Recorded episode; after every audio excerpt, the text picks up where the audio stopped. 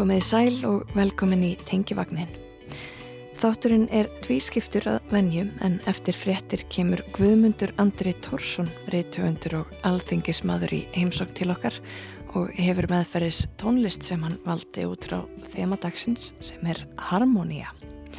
Hann og Anna Geða ætla svo að ræða út frá henni um lífið, listina, þingstörf, sjóin og sikvað fleira. En þetta er ekki fyrir en eftir fréttir. Í þessum fyrirluta tengivaksins róum við á allt önnur mið, eða hvað? Æsa Sigurjónsdóttir, dósend í listfræði við Háskóla Íslands, kom í hljóðstofu fyrir nokkur síðan og velti þá vöngum út frá spurningunni Hefur samtímanlist áhrif á samfélagið? Við bindum þá sérstaklega sjónum okkar að stittum í ofinberum rýmum og hvernig þær hafa vakið umtal og jafnvel reyði viðbröð í samfélagum bæði nú nýlega og eins í gegnum söguna. Samtímalist er náttúrulega ekki neitt eitthvað einangrað svona fast fyrir bæri heldur uh, er það líka nokkuð opið hugtak sem að menn deila jafnvel talsvært um og uh, þá er líka hægt að velta fyrir sér uh, bara hvenar hófst samtíminn og, og hvenar hófst samtímalistin. Við heyrum meira um þessi mál síðar í þættinum en fyrst er það poptónlist. Bandariska country popstjarnan Taylor Swift gaf nýverið út sína áttundu breyðskifu sem byr titilinn Folklore. Á fyrsta degi var henni streymt rúmlega 8-10 miljón sinnum á Spotify og sló þar með met í sögu veitunar í fjölda streyma hjá tónlistarkonu fyrsta dag eftir útgáfi. Anna Geða fekk Helgumarketi Höskuldsdóttur fjölmiðlakonu til sín í hljóðstofu til að ræða þessa plötu sem fær afbyrðadóma frá menningarínum helstu miðla Erlendis en hún hefur einnig vakið mikla lukku meðal aðdóanda og jafnvel víðar.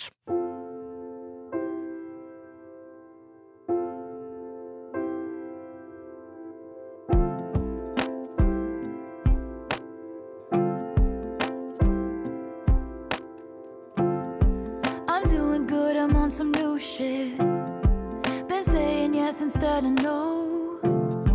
I thought I saw you at the bus stop, I didn't though. I hit the ground running. Svo hljóðar byrjun nýjustu plötu bandarísku country pop tónlistakonunar Taylor Swift.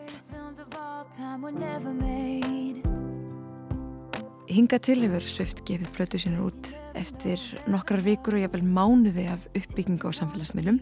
Hún hefur þannig skapað eftirvæntingum meðal gríðarstós aðdánda hópsins.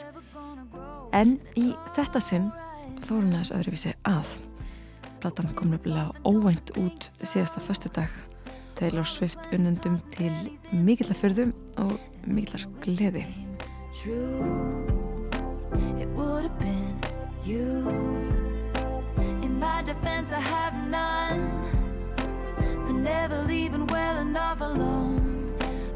would have been fun if you would have been the one.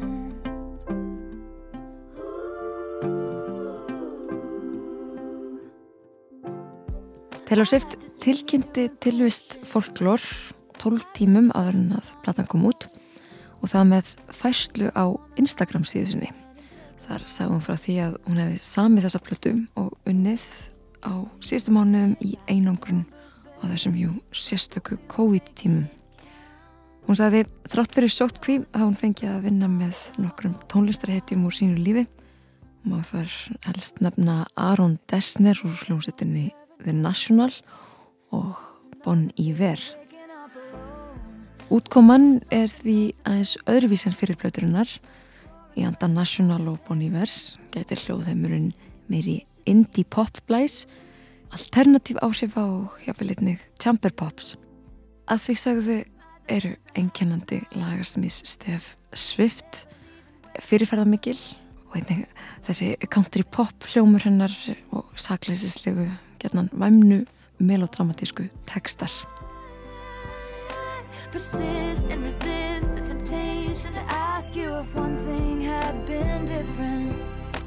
Would everything be different today? We were something, don't you think so? Rose flowing with your chosen family. And it would have been sweet if it could have been me. Samsöða þessara ólíku tónlistamanna er áhugaverð og verðast tónlistagagrundur erlendra miðla almennt mjög ánæði með plötuna. Hún fætti til að mynda 5 stjórnur hjá The Guardian, 8 af 10 hjá Pitchfork, 4,5 stjórnur hjá Rolling Stones og 89 stig af 100 hjá Metacritic. Það er að segja síðunni sem að reikna saman meðaltalur byrtum dómum virtra menningamidla. Stood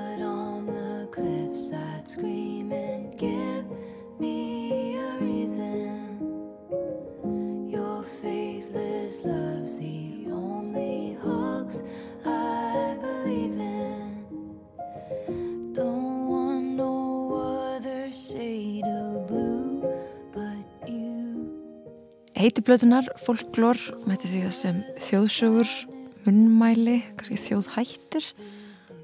Þetta er löngplata, hún er heldur 16 lög og það skemmtilega við hana er að hún hefur ekki aðeins lotið góða dóma frá menningarínum sem ég auðvitað diggra aðdæðandastjörnunar heldur af internetinu að dæma þá verðist platan vera ná til mun breyðari aðdæðandahóps í þetta sinn. Me a reason. Your faithless love's the only hugs I believe in. Don't want no other shade of blue but you. No other sadness in the world. Ég heiti Helga Margrét Höskulsdóttir og ég er dagsrókjæðakona á Rúf 0. Helga Margrét skrifaði nýlega um útgáfu plötunar fyrir VF Rúf 0. Ég fekk hana til að segja okkur aðeins nánar frá folklór.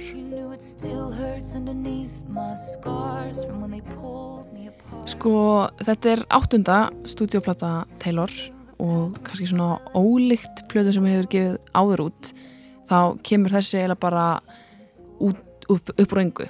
Venjulega hefur verið svona langur aðdraðandi að útgáðan hjá henni, hún hefur jafnvel verið að sko dreif eitthvað svona földum skilabóðum í myndböndum eða myndum eða eitthvað sem hún eh, birtir á samfélagsmiðlum eða eitthvað annars þar en uh, þarna skellt hún sem bara inn 12 tímum ára en að platan sjálf kom út og uh, já, aðdæðandur mistu viti Og í þessari tilkynningu sem hún byrtir á Instagram síðu sinni, -hmm.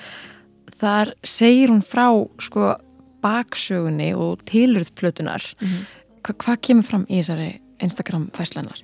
Sko, uh, hún byrjar á því að segja að það sé margt sem hún hafi planað fyrir uh, sumarið uh, 2020 og fæst það því að hafi nú gerst, skiljanlega kannski, en svo segir hún að það hafi eitt gerst sem hún hafi sko alls ekki planað og það væri að gefa þessi blötu folklór.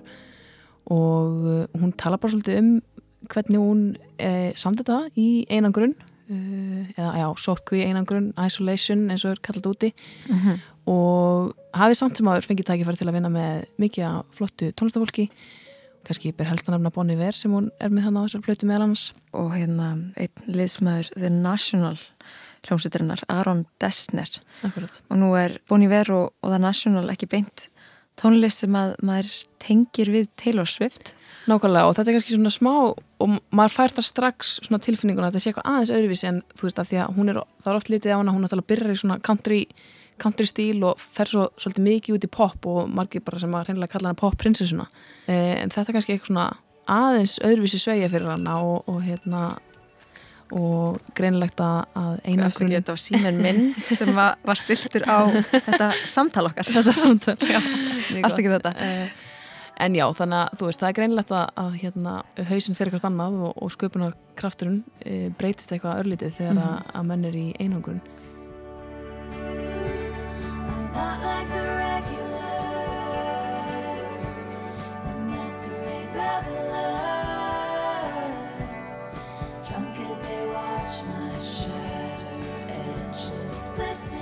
Platan hefur strax sett nokkur met. Já, hún hérna raðar inn 80 miljón streymum á fyrsta sólarhengnum síðan plata kemur út. Sem er víst met hjá Spotify, ekki svo? sem er með hjá hérna, tónlistakonu á, á Spotify og hún er líka, hún rústaði metinu fyrir sagt streymi á fyrsta degi þessa ás Mm. uh, sem var þetta bara nýlega búið að setja af rapparum Juice WRLD en sem var uh, þá með hvað, 70 hann var með 73 miljonir og hún er með 80 miljonir 80 miljonir og, og þetta er heldur áhrum að inn sko. Þannig að þetta virðist allavega núna, svo er ofta erfitt að segja sko hvort þetta muni ha- halda áfram þessu dampi. Þegar svona fólk verður kannski aðeins meira að hlusta hvort það muni halda áfram að hlusta svona mikið á hana eða hvort þetta sé bara hérna ein hlustun og svo búið hvernig hefur það verið hjá þér?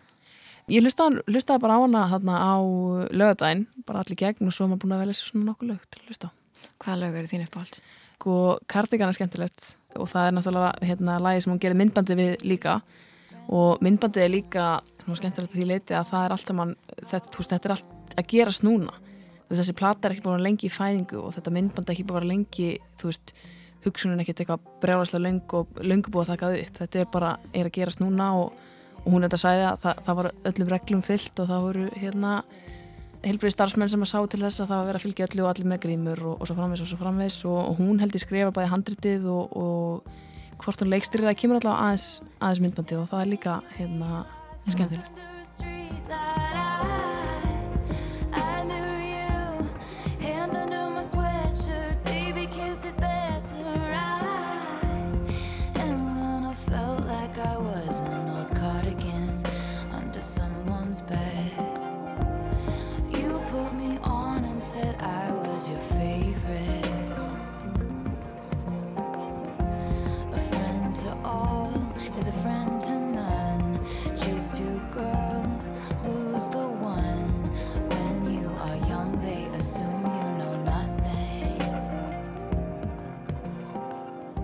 Svo er það hitt sko veist, um hvað þessi plata fjallar. Og það eru komnar sko, það er búið, ég er búin sjá fullt að greinum þar sem menn eru bara að greina svoleiðis hvert einasta lag hvert þeir séu og hver hérna saga séu bakvið og, og aðdánduður ekki síst búin að reyna hérna, að finna eitthvað út úr hver merkingin er orðna bakvið hún gaf það út að í plötinni mætti finna einhver skonar ástar þrýhyrning og fólk er búið að reyna að finna út uh, nákvæmlega hver sá ástar þrýhyrningur er hvað hugmyndir eru á sveimi? Sko, það er uh, Betty. Hún er allavega ein svo man ég ekki hvað hinir tveir heita sem að eiga að vera sem sagt í restin af þrýhinningnum og það, er, þú veist það er engin sérstök kyni eða neitt í gangi það er bara að vita að það er þessi þrýhinningur í gangi mm. og svo er hann náttúrulega kenningin um uh, það að hún hafi ofnbörlega byrt nafn leikarabassins Blake Lively og Ryan Reynolds í fyrsta skipti. Að því að Blake Lively er vinkona Swift þá? Já, og fólki, að fólki er greinlega mjög spennt fyrir þessu já það er mikið verið að ræða þetta netinu. Já, þau eru náttúrulega svona, þau eru mjög uh, prívat með sitt líf, Lively og Reynolds. Það vissi til dæmis enginn að hún var ólétt fyrir hún mætti bara komin áttamánuða leið á eitthvað rauðan dreigil og það, var, það er voru lengi að berast fréttnar því að barni verið svo fætt. Hún fættist í oktober á síðust ánum minnum mig og þau hafa aldrei gefið út nafnið hennar en í læginu Betty þar syngur hún um Inés og James sem eru nöfnin á hinnum dætrum Lively Reynolds. Þannig að fólk er svona nokkuð vist um að það þýði að Betty sé nafnið á þriðadótturinni með þess að svo vist að það er búið að breyta Wikipedia síðunni hjá Lively Reynolds um að þriðadótturin heiti Betty. já, En það er enginn búin að staðfesta það sko, ekki, ekki frá þeim. já, já, já, já. ég minn eini Þannig að þetta er svona smá grín og maður, maður finnur Mhm. það sko, eða skilur ekki grín, en svona... en fólki finnst gaman að velta sér upp Já, þetta er svona léttu tótt svona kannski. Það er einmitt það sem ég finnst svo áhugavert við Taylor nú er hún umdeild ég hef Mhm. ekki fylgst með sögu hennar á síðustu árum Mhm. þannig en utanfrá finnst mér svo internetið elski að hata hana Já, það er svolítið svolítið. sko, nú þekki ég þetta ekki en eh, ég vorkin er henni alltaf smá fæ eitthvað svona, ah, fæ illt í hjarta sem kona fyrst þess að hún sé gaggrind fyrir allt bara Mhm. því hún er kona en það er kannski ekki rétt, ég hef bara ekki lesið mér nú vel til um þetta en það sem ég finnst aðtæklusast við þessa plötu er sko, internetið virðist elska þessa plötu. Já, svo verðist vera sko. Og hún er einhvern veginn fer svolítið upp og niður. Og maður sig kannski ekki á því hvort það sé það sé samt alltaf sami grunnhópurinn sem elskar hana. Þú veist, hún eigi þess að þannig kjarna af aðdáðandum sem sé svona stór. Og hitt rocki svo bara hvort að það fylgi eða ekki þú veist, hún hefur til dæmis verið þú veist, það er verið að gaggrina hún er elskuð af nasistum, þú veist, nýnasistum í bandaríkjunum. Um, hún hefur verið gaggrind fyrir það hún er auðvitað talsmaður hins eins fólks og margir sem að svona gaggrinu það að hún, hún sé að nota hvað er íslenska orðið, glory hunt. Já, já, já, Svona- hún taki upp ákveðin málstað. Já, hún taki upp þess málstað að- til þess já. að fólk, hérna, fólk líki við hana. Uh, ég held sem kom ár síðan hún gaf út lag með fullt af hinsegin fólki í myndbandinu og allir svona og það kemur allt, kom alltaf bakslæði sko, hún væri, Mhm. hún væri bara eldast Það, það verðist vera lítið rými fyrir hana til þess að, Mhm. að gera einmislegt en það er, ef veist, og það er spurningum mitt hvað, hvað sé við þessa plötu Já. kannski er hann að ná einhverjum nýjum inn mm. þú veist, bara með þessari tegur tónlist Finnst þér eins og hún sé einlægari á þessari plötu? Já, kannski einhver leiti og ég held að þetta sé líka, þú veist, það sem ég fór strax að hugsa um var hvernig hún verður til, þú veist, hún er að tala um að hún sé að vinna með fullt af fólki en þú veist, það, mega, það má enginn hittast í bandaríkjunum, þú veist, erum við að tala um bara þannig eru allir á okkur zoomfundum og þannig að það, svo hugsun hjá mér er eitthvað svona, já, eitthvað það er erfitt að vera eitthvað yfirbórskendur á þessum tímum Please picture me in the trees. I hit my peak at seven feet. En þetta er mjög afkastamikil tónlistakona líka. Hún gaf út plötu fyrir slettu ári síðan Já. og það var stór og mikil plata Akkurat. með alveg fullt Já. af slögurum. mm -hmm. Mér finnst þetta svo ótrúlega afreg. Þetta er það sko, maður, þú veist, kannski er bara svona ótrúlega mikið sem hún vil segja. Svo kemur þetta og þetta er bara það sem er búið að gerast þá vantilega frá mars og svo veit maður ekki hvort á undan þessu hafa hún verið að græja plötuna sem kemur þá núna á eftir þessari plötu. Hver veit, þú veist, kannski erum við bara að fá, fá aðra í haust, Já. snemma á næsta ári.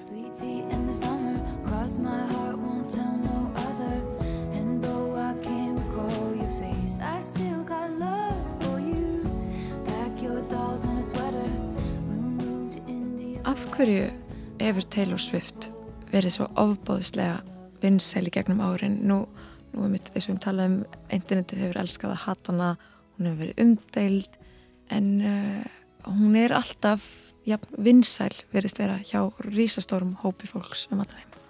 Mm ég, þetta er eitthvað blanda sem hún er með held ég bara.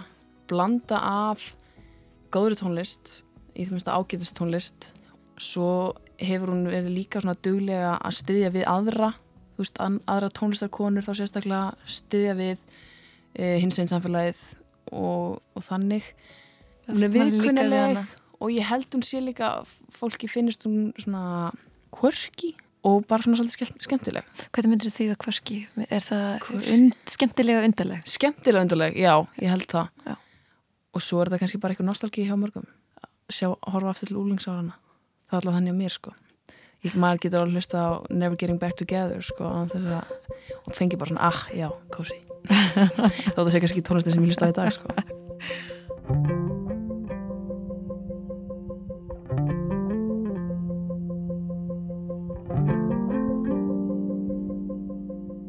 Í áðurnefndri fæslu á Instagram skrifar hún að tímarnir sem við lifum í dag hefi myndan á að ekkert eru örugt og að hafi maður búið eitthvað til sem maður elskar rætti maður að sína heiminum það.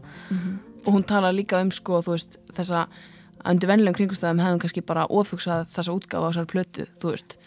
Margir kannast örgulega við að vera með tilbúið verkefni en get ekki gefa frá sér. En hún, eins og hún segir, skilur, hún ákvað bara að kýla á það, hún ákvað hugsa bara hérna er eitthvað sem ég elska, þá bara læti það frá mér Takk kærlega fyrir komuna í tengjavegnin Helga. Takk hérlega fyrir mig And it's just Og skulum enda þetta í dag á læginu Peace. Þetta er næst síðasta lag Plötunar samið af henni og Aron Destner úr The National.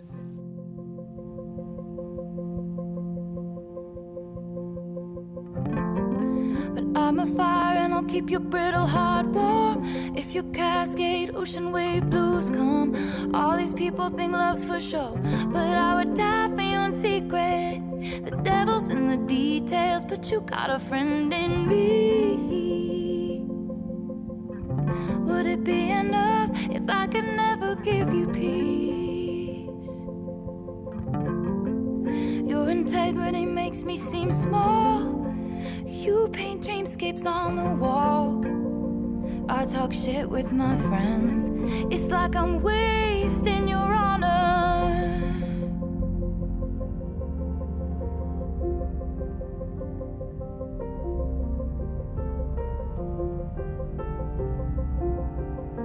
And you know that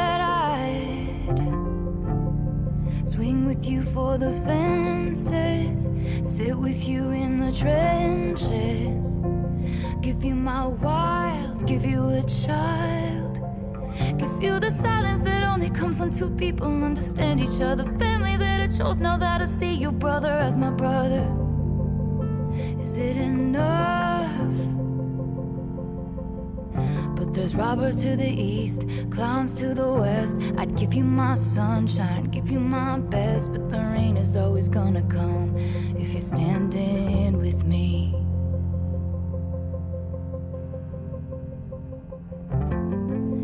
I'm a fire and I'll keep your brittle heart warm. If you cascade ocean wave blues come, all these people think love's for show. But I would die for your secret. The devil's in the details, but you got a friend in me.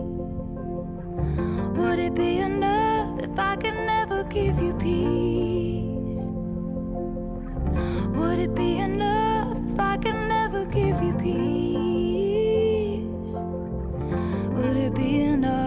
I could never give you peace?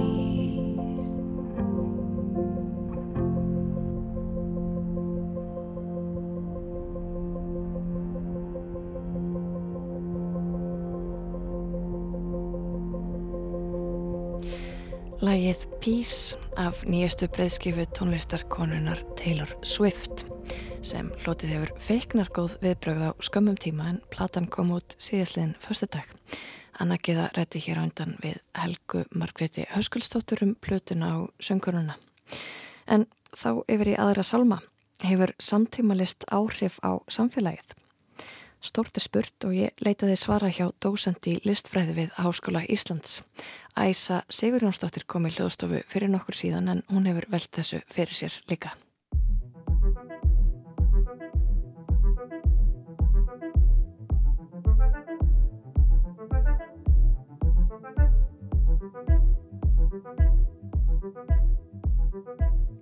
Hjá mér er sest Æsa Sigurjónsdóttir dósandi listfræði við Háskóla Íslands.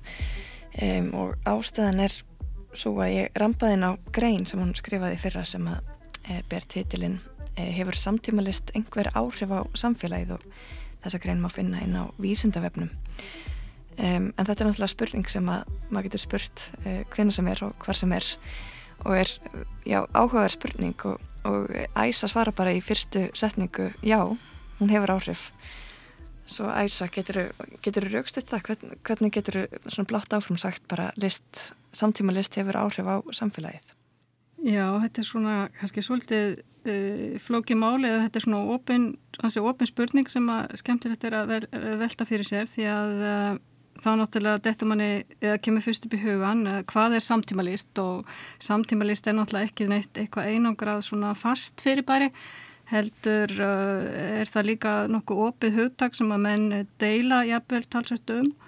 Og uh, þá er líka hægt að velta fyrir sér bara hvenar hófst samtíminn og, og hvenar hófst samtíma listin og margir vilja nú meina að, að samtíma listin eins og við tölum um hana núna hún hafi hafist svona í kannski kringum 1990 þegar tilvarð þessi Já, nýja heimsmynd eða þessi heimsvætti heimur sem að uh, við erum búin að lifa við undan farin uh, uh, 30 ár og þetta lengur að mörguleiti en, en þessi heimsvætti heimur sagt, tengist náttúrulega þessum stafræna heimi, hann tengist því líka sem við höfum verið að upplifa að listamenn og listaverk fóru að ferðast út um allan heim og þessi mikla opnun og listmarkanum sem að varð með fjölgun tvíjaringa og sölumessa út um allan heim. Og það sem er líka áhugavert við þetta er að þessi samtíma listheimur að hann hefur verið að lokast talsveit mikið núna í tengslum við heimsfaraldurinn, Já, heimsfaraldurinn og, og allir þessi stærstu samtíma list viðbyrður þeir hafa einmitt þeim hefur verið frestað og mörgum hefur verið aflýst. Þannig að við erum líka á svona í einhverju uh, kannski píluðu tómarúmi núna. Þetta er verið að reyna að breyta hlutunum og setja margt yfir í stafrænt form og og hluti af þessum uh, samtíma list viðburðum sem áttu að vera til dæmis nú í voru og sumar að þeir hafa verið, ímist þeim hefur verið frestað eða bara þeir hafa verið settur á netið.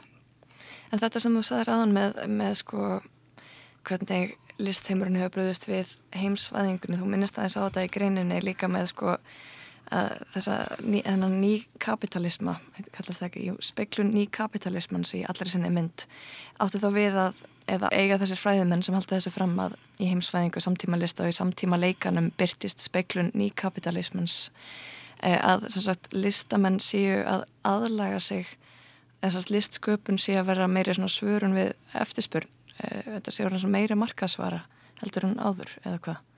Já, það, það er alveg augljóst og, og Eh, það var til dæmis að koma út núna á netinu bara allra síðustu dögum er að mikil umræða og í rauninni verið að halda upp á 50 ára amali Art Basel og sem er náttúrulega svona uh, stærsta listmessan í heiminum og henni var aflýst. Uh, hún fer alltaf fram árlega í Basel í Sviss í byrjun júni og, og henni var aflýst núna sem sagt og, og það var bröðist við því að halda fyrirlestra og samtöl á netinu sem að þar sem að hérna e, listamenn og listfræðingar og galeristar er að ræða þessi mál og þar er einmitt verið að ræða það hvernig e, sko, þessi markasvæti listheimur, hvernig hann hefur þanist út á síðustu, já 50 árum, kannski sérstaklega á síðustu 20-25 árum.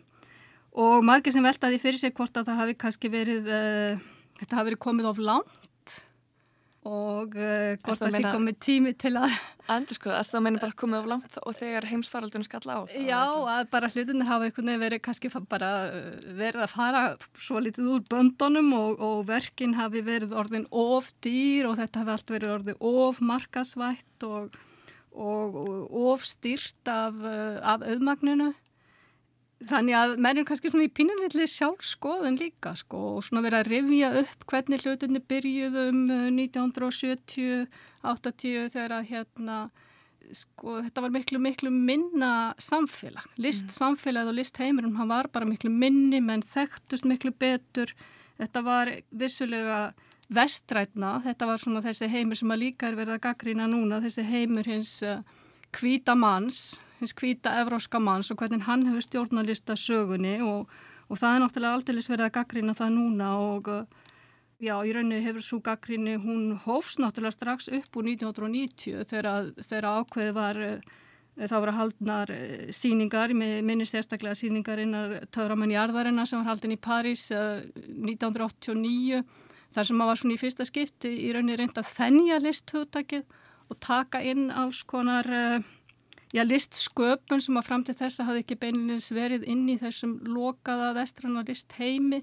Það voru verið að hleypa mörgum svona inn í, inn í samfélagi og þó sérstaklega millistamönnum frá Afríku og öðrum svona svæðum utan Evrópu. Það voru þá listaverk sem hafði þá frekar verið sett á eitthvað svona etnografísk söpn eða... Já, sum voru kannski, nú var þetta í mjög flestum tilvikum uh, uh, um að ræða lifandi listamenn en já, okay, þeirra samtímalist en þeirra praktik var, já, það var meira kannski litið á hana sem einhvers konar svona etnografíska eða, eða svona einhvers konar alþjóðlistjabel mm -hmm. og margir af þeim sem voru teknir inn í listheimin uh, á þessari síningu uh, hafa síðan sagt, orðið mjög gildandi og orðið mjög dýri listamenn líka. Þannig að það var þessi opnun svona landamæran eða við getum sagt að kannski að það verið verið að opna réttina og hleypa miklu miklu fleira fólki inn og, og, og þennja listhugtaki þannig að, að þetta vestræna listhugtak var þá að einhverju leiti orðið svona pínlítu úrreld strax að um þetta leiti Mér langs að stökka inn bara út af því að þú lýsir þessu svo vel hvernig þessir listamann voru teknir inn og kannski bara settur upp á, á stall sem þeir hafa ekki fengið að vera á áður. Það, um, það er ekki langt síðan uh, stittan af um, breska kaupmanninum og þrælahaldarannum Edvard Kálston var tekið neyður af mótmælendum í Bristol og, og um, já, þetta var mótmælendur í reyfingurum Black Lives Matter sem líklega hefur ekki farið fram hjá neinum hlustanda eh, en núna nýlega var sett upp ný stitta eh, af mótmælenda og það er um, listamæðurinn Mark Quinn sem að gera þessa stittu og segir þetta að vera tímabundin útstilling um, til þess að halda áfram samræðinum um rasisma. Hann fekk ekki leiði til þess að setja þess að stittu upp en þetta er svona mjög tákgræn gjörningur eh, og, og tengis kannski svolítið inn á, á það sem við talum um í grinniðinni að, að samtíma list sé oft á okkar tímum einhvers konar svar við ábeldi fyrir tíma. Já, þetta er aðtilsvert og Mark Quinn er náttúrulega mjög þekktur, þekktur listamæður og, og uh, mjög stórt nafn í þessum samtíma list heimi og, og þess náttúrulega en kannski merkilegra að, uh, að hérna að hann fari í þennan gjörning og kannski líka enn meira að tekja eftir honum út af því.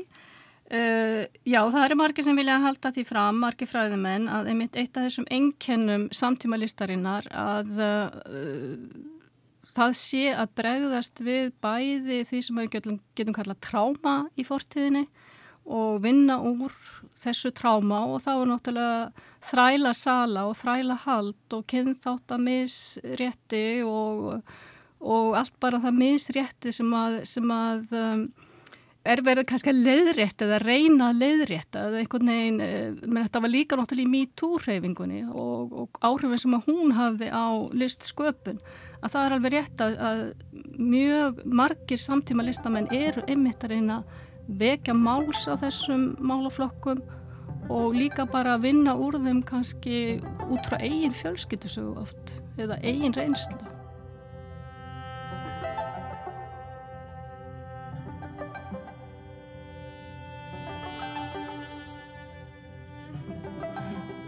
En, en svona gjörningur, það er ekkert að segja að hann sé gerður inn í nokkur, um, já svona kapitalísk, ný kapitalisma.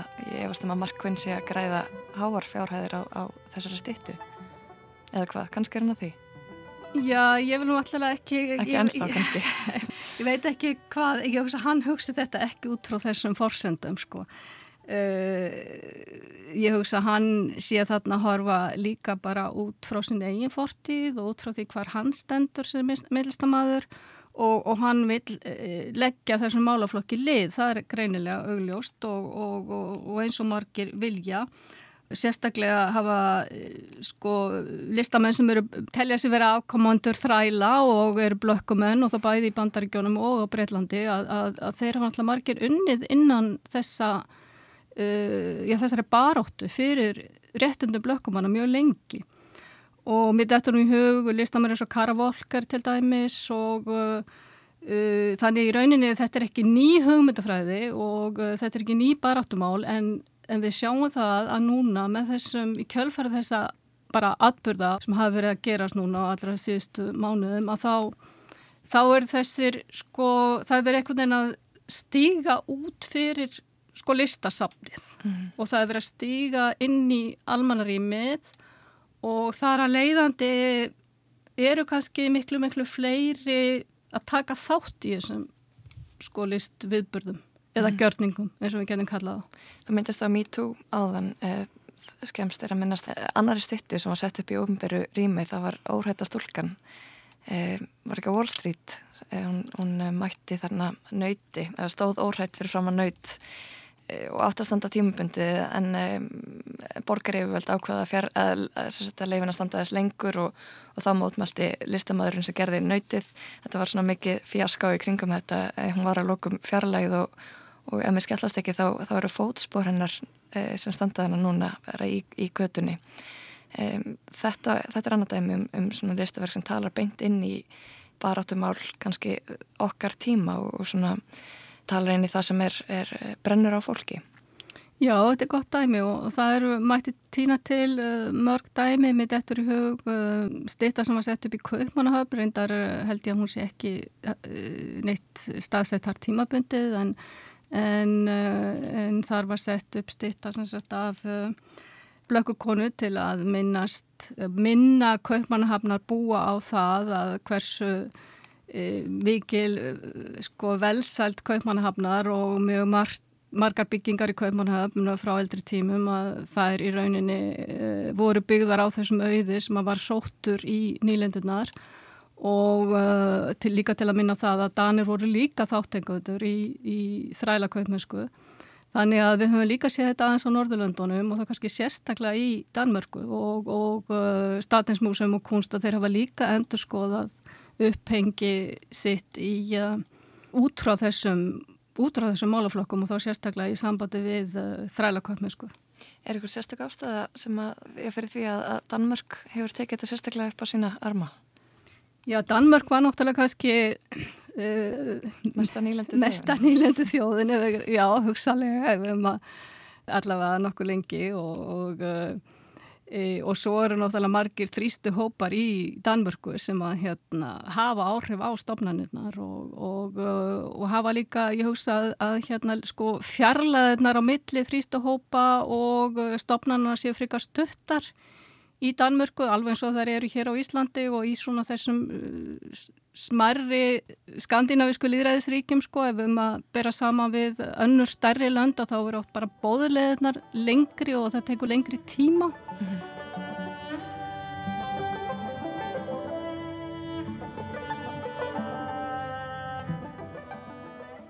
Ég fór aðeins líka velta fyrir mér af því myndist á þessi fótspór sem voru þá sett í stað steittunar sem einhvers konar, ég veit ekki, málamyndum kannski.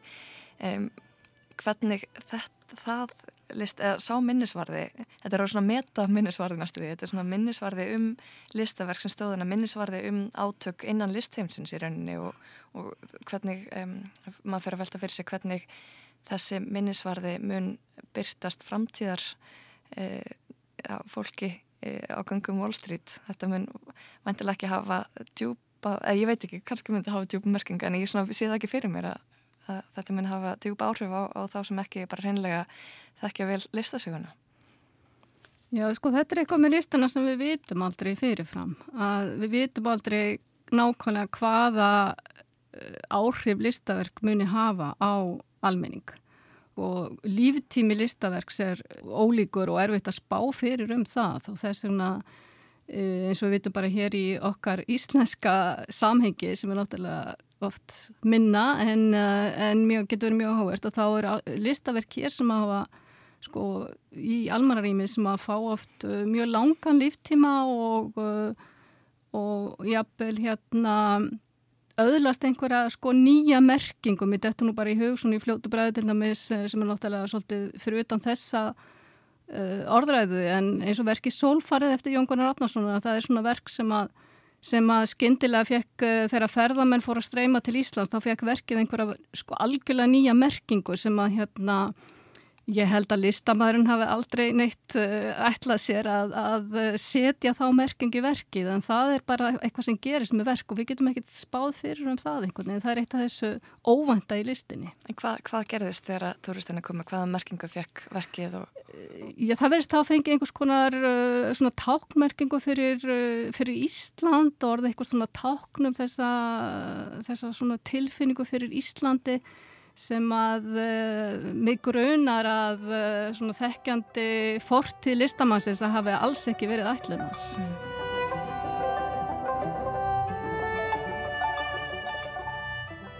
Listaverk var náttúrulega bara sjálfstætt líf um leiðu það þau eru komin úr höndum listamannsins en þá vaknar líka spurningin um bara hversu mikil áhrif á listamæður að geta haft á þetta framtíðar lífverksins ef við bara horfum aftur, ég get ekki hægt að tala um hugurökkur stúlkuna þá er það hann eh, Arturo Di Moteca sem að eh, á heiðurinn af, eða að þetta gerði nöytið sem að órætta stúlkan stóð á hugurökk andspænis, hann vildi meina að, að stúlkan væri rauninni að breyta merkingu hans listar og, og var mjög ósattur við þetta, hversu mikil á, áhrif getur Eh, hversu mikil völd á listamæður að hafa áfram yfir í rauninni framtíðar lífi verksins? Já, þá eru kannski komið út í svolítið annar mál sem er svona það sem er kallað höfundaréttur og samdaréttur listaverks og uh, þetta er þetta náttúrulega eitthvað svona sem að er kannski uh, huglagt, svolítið huglagt og, og fer líka eftir listamönnum Uh, hugsanlega hefði þessi uh, sko listamæður kannski átt að taka því fagnandi að það væri uh, þetta samspil við verkans uh, sem er bendið til þess að, að, að verki væri að fá eitthvað svona nýtt líf. Við veitum náttúrulega við hugsaum það svona út frá sko tákmerkingu að, að þá er sko nöyt uh, náttúrulega mjög karlæg svona tákmerking og það er líka merking auðs og velsaldar og þess vegna eru náttúrulega myndir af svona listaverk með mynd eða nöyt uh, oft uh, höfðu fyrir utan uh, hérna kaupallir og þetta er held ég ekki alveg eina dæmið um það. Þannig að auðvitað eiga listaverk að vera og eru flest listaverk og listaverk vilja vera og listamenn náttúrulega vilja vera í einhverju svona áframhaldandi samtali og vilja verk sín lifi áfram mm -hmm. þannig að, uh, að ég held að það sé nú mjög jákvæmt en, en svo er alltaf þessi spurningum um, um sæmdaréttin og, og hvunar er eitthvað Eh, eitthvað í umhverjum sem hefur ferðið að þrýsta of mikið á verki þannig að listamanninum eða, eða hérna erfingum hans finnst utanakomandi áhrif er að fara að trubla upphaflega verki þannig að, veist, þannig að þetta er kannski orðið svolítið annar mál en hérna en ég held að þetta sé bara mjög jákvæmt að, að eldri og yngri listaverk eh, nái saman í einhverju svona samtali mm -hmm. og þarna kannski það kannski svona afhjúpandi viðbröð eh, svona eldri manns ég ætla ekki að fara kannski nánur til þá sálma en um, já, við tengjum þetta kannski aftur í það sem við rættum um áðan þessar nýjustu fréttir af stittunni sem var sett upp í stað stittunar sem var fjarlægð í mótmálaskinni af þrælahaldarannum í Bristol. Um, þannig erum við þetta komin inn í e, allt annað mál þar sem að listamæðurinn sem að e, gerði þá stittu eru þetta lungu látin og, og væntalega var svo stitt að gerð um, sem einhvers konar um, já, hvað er það að segja, þetta hefur verið keft, keft verk. Já, nú þekki ég ekki alveg sögu þeirra stittu en, en uh, það er náttúrulega alþekkt að, að uh, sögulegar, uh, söguleg minnismerki séu fjarlægð. Og uh, þetta er, uh, ég minna við getum nefnt uh, til dæmis bara þetta gerist í fransku byltingunni, þá voru stittur brotnar niður og þær voru fjarlægar vegna þess að það er myndu á uh, konungsveldið og á aristokratana og, og, og síðan voru aðra stittur settar í staðin sem að myndu á byltingarhugssjónirnar og þannig að þá eru við komin alveg aftur til sko, átjánda svo gerist þetta náttúrulega aftur í uh, rúsnesku byltingunni og í uh, Sovjetríkjónum og, og svo þegar Sovjetríkinn falla að, að, að þá eru stitturnar af Lenin og og Stalin og, og uh, öðrum flokksmönnum tekna niður og eðlaðar og nú sko í, í uh, hundrað ef ekki þúsundatali og ekki bara í, í hérna Rúslandi heldur í öllum fyrfirandi austur-Evrópu uh, ríkjónum og og það er í rauninni þetta hefur uh, mikil umræði kringum þetta hvort að þetta hafi verið rétt og hvort að þetta hafi ekki verið sögufölsun og hvort að það sé verið að grafa þarna niður 20-20 uh, ára og, og svo framvegis og framvegis. Þannig að þú veist það er þetta nefn og svo ótal, ótal mörg dæmi um þetta. Og það sem er að gerast í bandaríkjónu það hefur náttúrulega verið að gerast undanfærin ára það hefur verið fjarlæðar styrtur af Kolumbusi Þannig að þessu umræði í bandaríkjanum og hún er sérstaklega þá, uh, hún er búin að vera svolítið lengi í gangi. Það er kannski freka nýtt að hún sé að koma inn í Evrópu mm. og þá sérstaklega sem sagt uh, gagvart uh, þá uh, einstaklingur sem að voru þrælaköpmenn og þá vísa ég aftur í þessa stittu í köpmannahafn og umræðina um, um hana. Þannig að þetta er bara eitthvað svona endur skoðun á sögunni og ný viðþorf og ég held að veist, þetta er bara eitthvað sem að við verðum að, að takast á við og, og það er auðvitað ekki hægt að hafa sko það er alltaf líka spurningin um það eiga, eigum við að vera að reysa stittur er stittan sem slík ekki bara orðin eitthvað úreld listform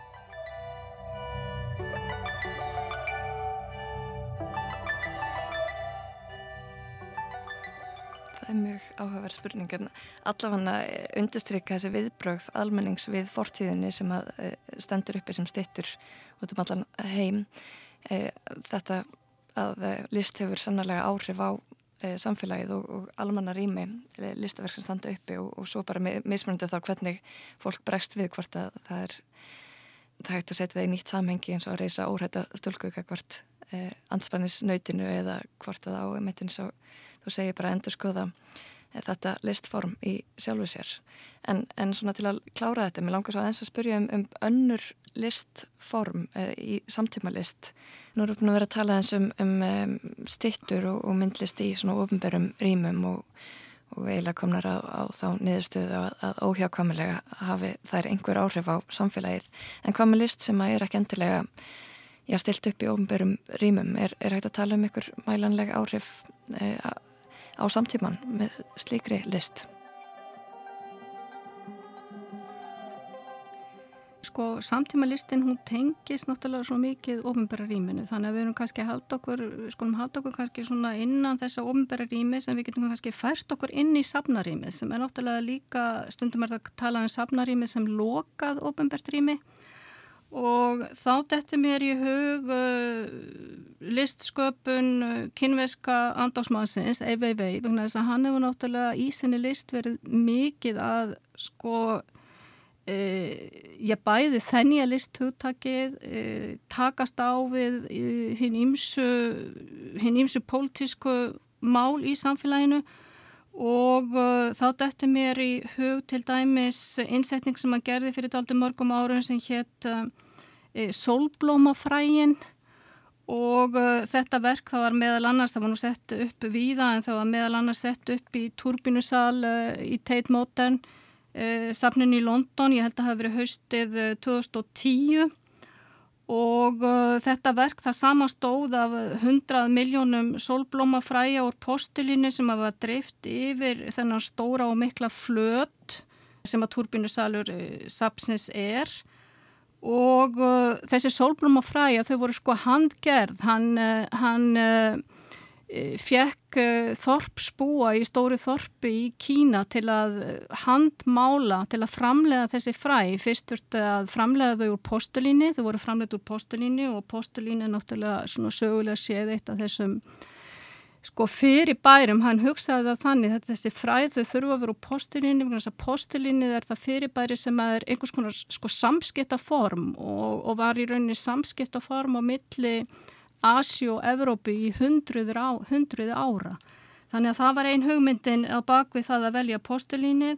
Nú síðan þá uh, fekk hann uh, já, eitthvað á annað þúsund verkamenn til að mála þessi fræ og eða mála þessi postulínsfræ þannig að þau litu út eins og solblómafræð. Þannig að þá eru við líka aftur komin sagt, inn í þetta þessa hugmyndum myndlistarna sem er svo sterk í, í já, bæði í vestrænum samfélagum og líka í í Asju að, að myndlistin sé einhvers konar eftirlíkingar umveruleikanum ekki satt. Þetta hefur náttúrulega verið þessi e, alveg fram á 20. eld að þá litu við svo á hér í, á Vesturlandum að, að listin væri einhvers konar, ætti að vera einhvers konar eftirlíkinga af, af umveruleikanum Þannig að í þessum, bara í þessum gjörningi að þá tókst hann um einhvern veginn að koma inn bæði alls konar hugmyndum, menningalegum hugmyndum bara frá Kína og frá Evrópu en um leið uh, þar að segja okkur svona fortíðar hugmyndum um hvernig við upplöfum list hlutin og, og, og svona þær hugmyndin sem kannski almenningur hefur um listina, hún sé einhvers konar í mörgu tilvíkum og hún sé einhvers konar eftirlíking.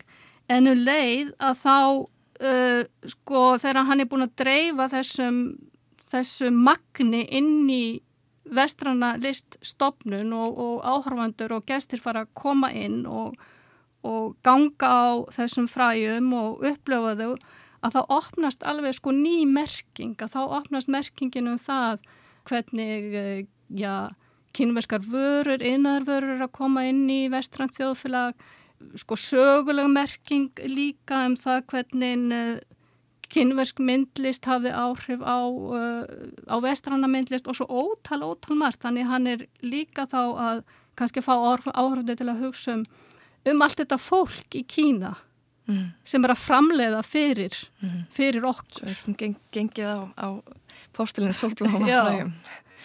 Samtíma listamenn verða væntilega óhjákvæmulega fyrir áhrifum e, samtímans og, og eru svo að skapa verk sem er þá einhvers konar ekki endilega eftirmynd raunveruleikan sem svo í þessu tilfelli en, en einhvers konar eh, speiklun hugsanlega í mörgu tilfellum og getur þá varpað nýju ljósi og haft áhrif á, á samtíman. Er þetta orðað það þannig?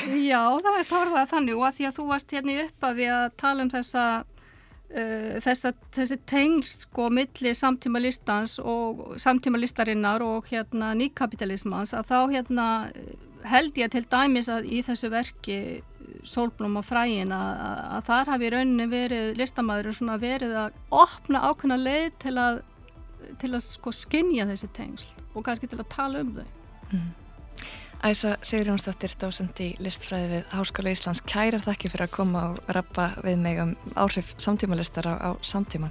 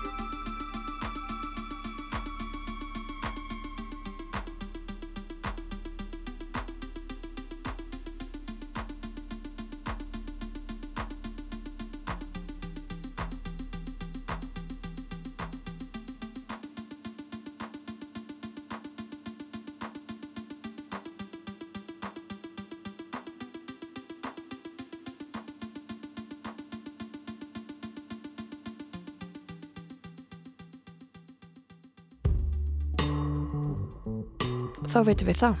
Samtímalist hefur áhrif á samfélagið og öfugt. Okkur grunaði þetta kannski en það var enga síður fróðlegt að ræða þessi mál við Æsu Sigur Jónsdóttur, dósend í listfræði við Háskóla Íslands.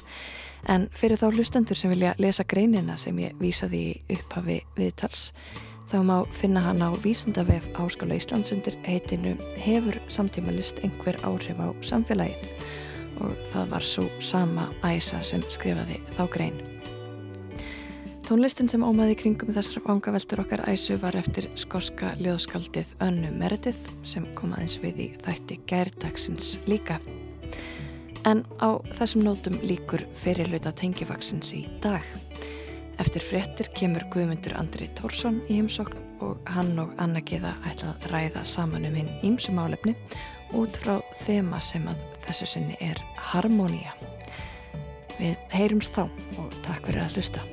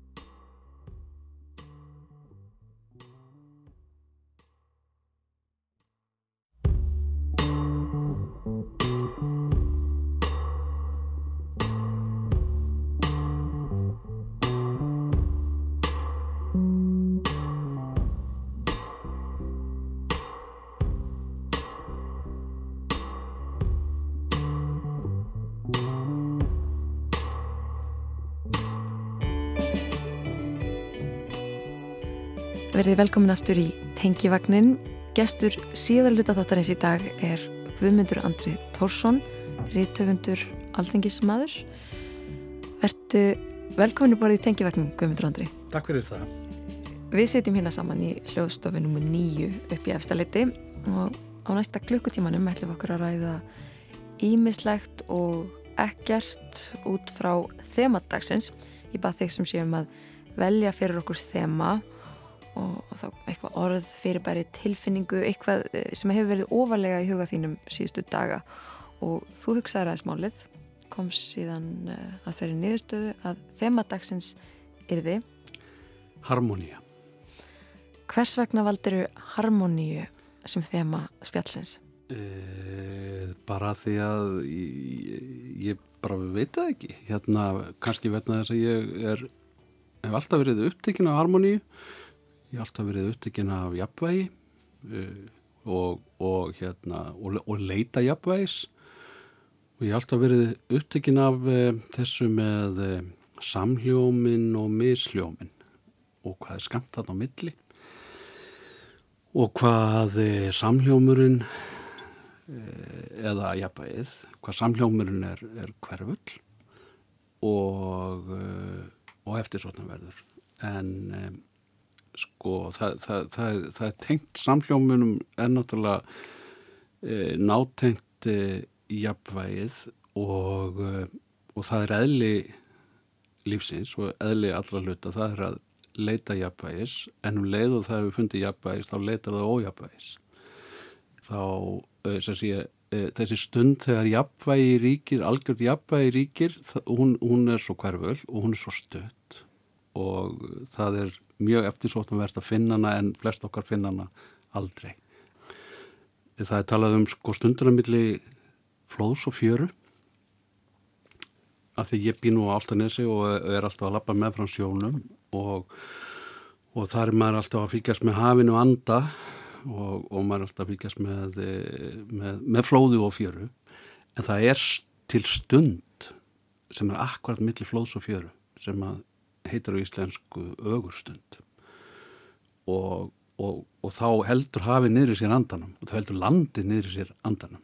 Og þá heldur að tilvera niður í sér andanum fugglarnir halda niður í sér andanum og, og öll dýr. Og uh, þá var eins og sköpunarverki sé að hugsa sig um. Og ég heldur svo áfram eða, eða hvað ég gera næst. Og til allra hammingju þá heldur það bara áfram eftir þessa, eftir þessa örstuttu stund sem heitir augustund og, eh, og mitt reymur um að, að, að finna einhvern tíma þessa stund. Og er það og, þessi stund sem að táknar harmoníu fyrir þér? Já, hún gerir það eiginlega. Og, og, og harmoníu er er bæði þessi stund þegar að sko allt sköpunumverki er í jafnvægi. Fyndi að þú talir um það þannig að því að það var svo fallegt hvernig þú lísti því að, að þegar að, að þessi augustund á milli flós og fjöru að þá er eins og, og uh, sjórin haldi niður í sér andanum, heimurinn haldi niður í sér andanum, allir haldi niður í sér andanum að, að þegar að maður heldur niður í sér andanum að, að þá eigi þetta jafnvægi sér stað. Já. Það er einhver falleg mótsögnaðna í gangi.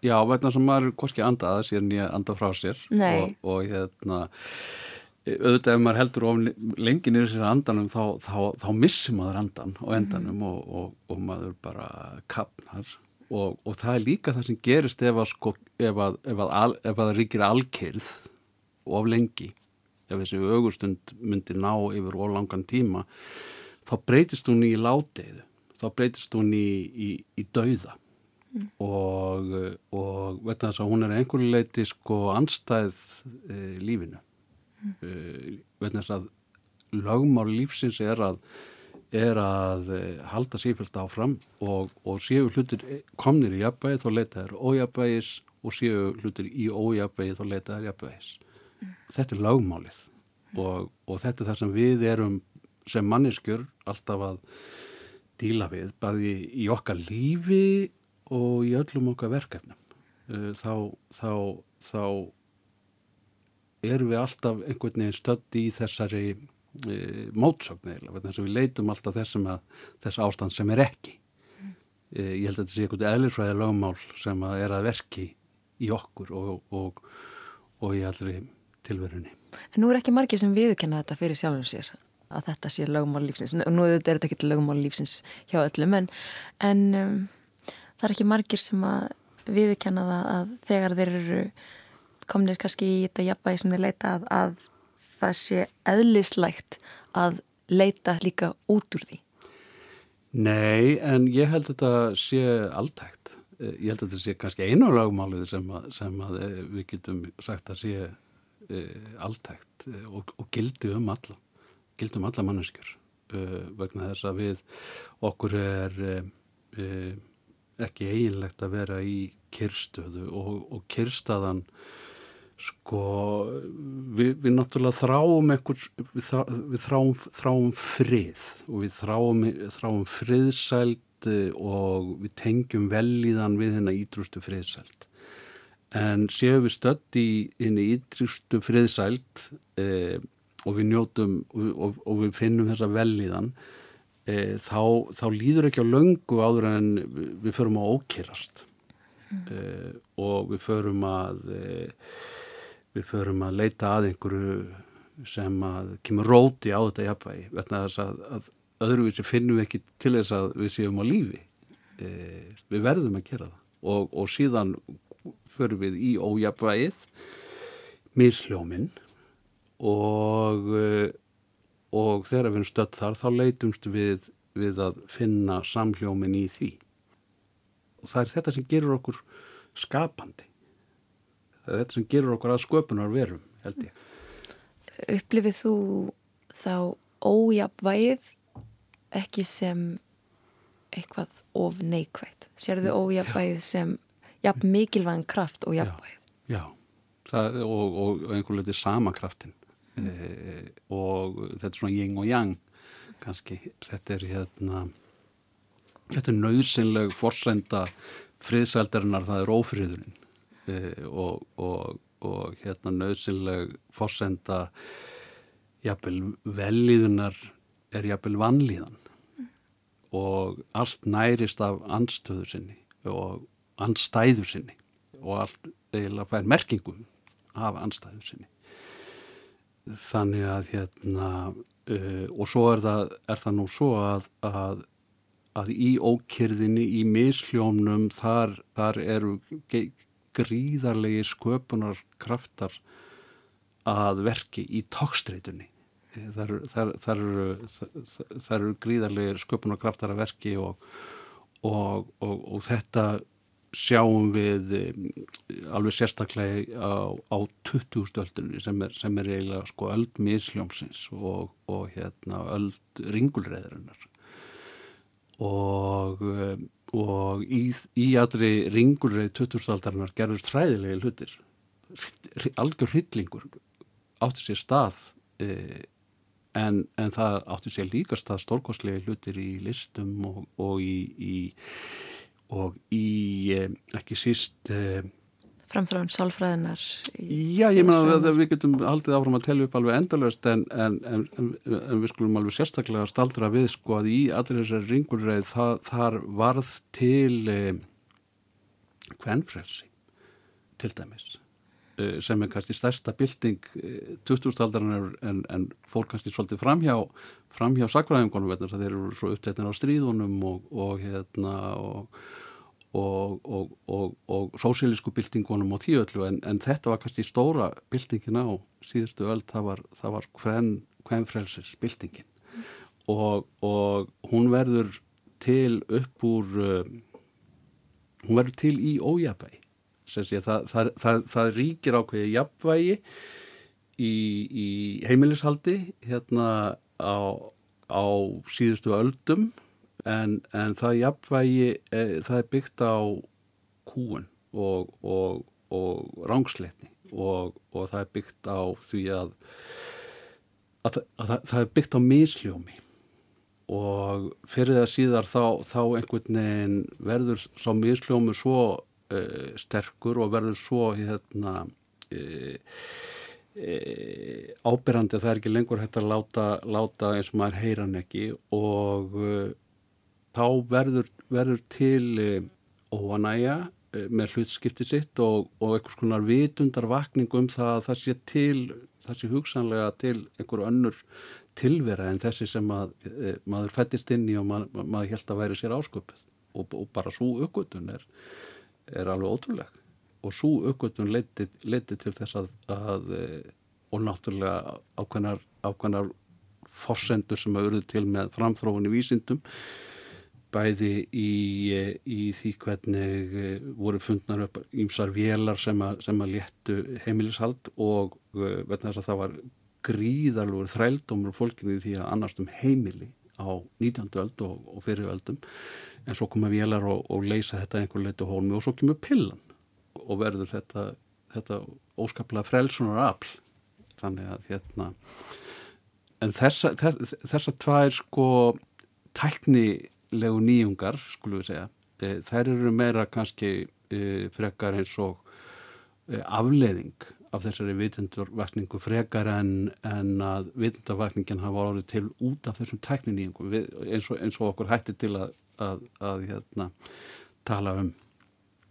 Þannig að í ringulreðinni í, í, í ósætinu í, í misljómnum þar leynast jákvæðir kraftar þar segja ef þeir beinast í, í, í farsælar áttir og be, ef þeir beinast að því, ef þeir leita jafnvægisins, ef þeir mhm. beinast að því að búa til nýja harmoníu mm -hmm.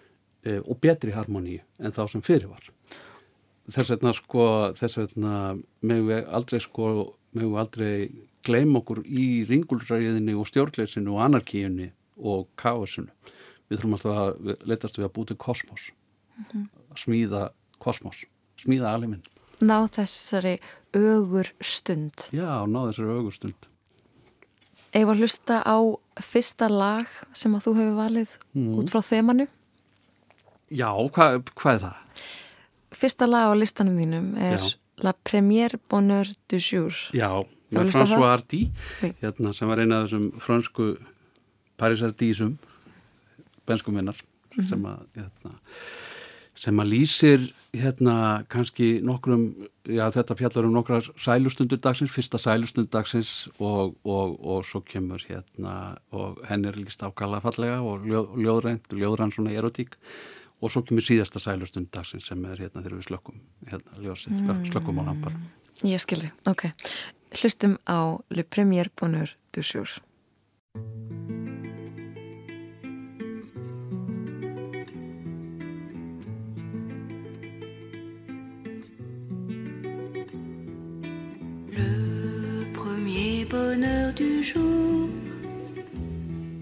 C'est un ruban de soleil qui s'enroule sur ta main.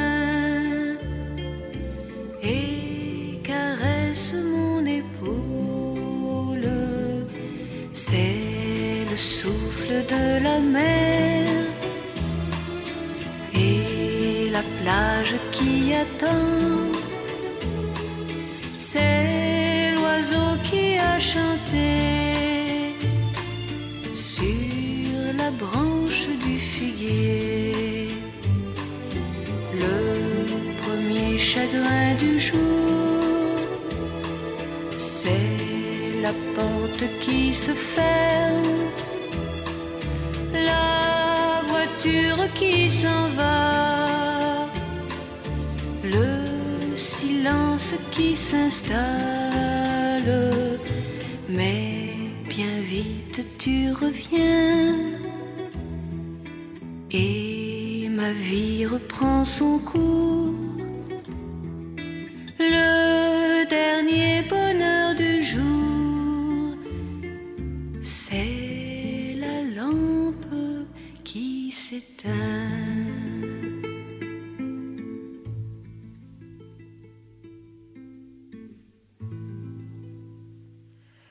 Le Premier Bonheur du Jour lag François Hardy Guðmundur Andri Torsson er gestur tengivaxis í dag hér ræði við lífið og eh, já, ímislegt annað út frá þemadagsins sem að þessu sinni er Harmonia. Hvers vegna valdur þetta lag í dag? Að því að mér finnst það mjög, þetta er svona sömarlægið mitt, mér finnst þetta svo, mér finnst einhver svona eh, góla í því, svona sömargóla, haf, það er einhver hafgóla í því svo lagi mm.